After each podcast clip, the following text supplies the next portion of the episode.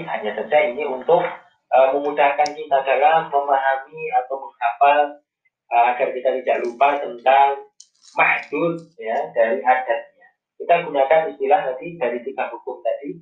Kita gunakan istilah uh, misalnya jin man min ya. Jin man min. Jin man min ya. Jin ya. Huruf jim tapi kita harokati dengan kasroh ya. Kita jerkan jim maksudnya adalah jama majrur. Jim ya, kita kasroh ya. Jim ya jama majrur. Man ya. Man itu apa rumus man? Man itu adalah man kan huruf mim ya. Tapi kita nasabkan ya. Man berarti apa? Man itu dari mim itu maksudnya adalah mufrad. Sehingga mufrad mansub karena kemudian hukum yang ketiga adalah min. Hukum yang ketiga adalah min. Karena apa?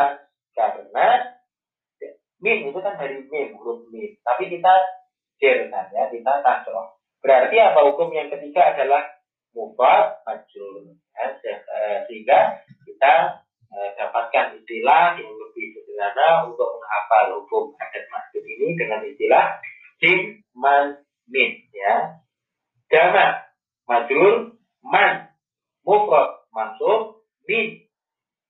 Mufrad majrur ya istilahnya adalah kami uh, kami rasa pembahasan tentang adat dan makdud dapat dipahami dengan baik.